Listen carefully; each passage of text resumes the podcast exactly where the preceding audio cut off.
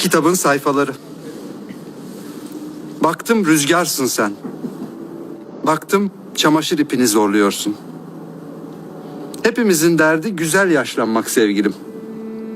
Baktım bir kitabın sayfalarını çeviriyorsun. Ayağına terlik giy. Bildiğimiz şeylerin taşında yalın ayak geziyorsun. Biz Biz satranç oyuncusuyuz sevgilim.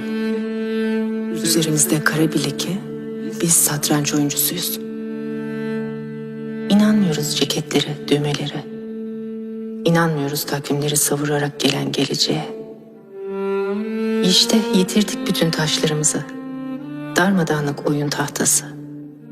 Bir tek şahımız duruyor sevgilim. O da evli, iki çocuk babası. Kelimeler önümüze çıkıyor sevgilim. Uykumuzu bölüyor buradan çocukluğumuza kadar. Buradan çocukluğumuza kadar bir telaş. İçi boş kuşları kovalıyoruz ve bir sebep arıyoruz. Herkese küsmek için. Hemen o cumartesi buluyoruz. Hemen o pazar. Yaşamak çukur yerlere doluyor diyorlar. Bu yüzden yıkıntıya dönüşse de yaşıyormuş insan. Ama hep yıkıldığımız yeter sevgilim.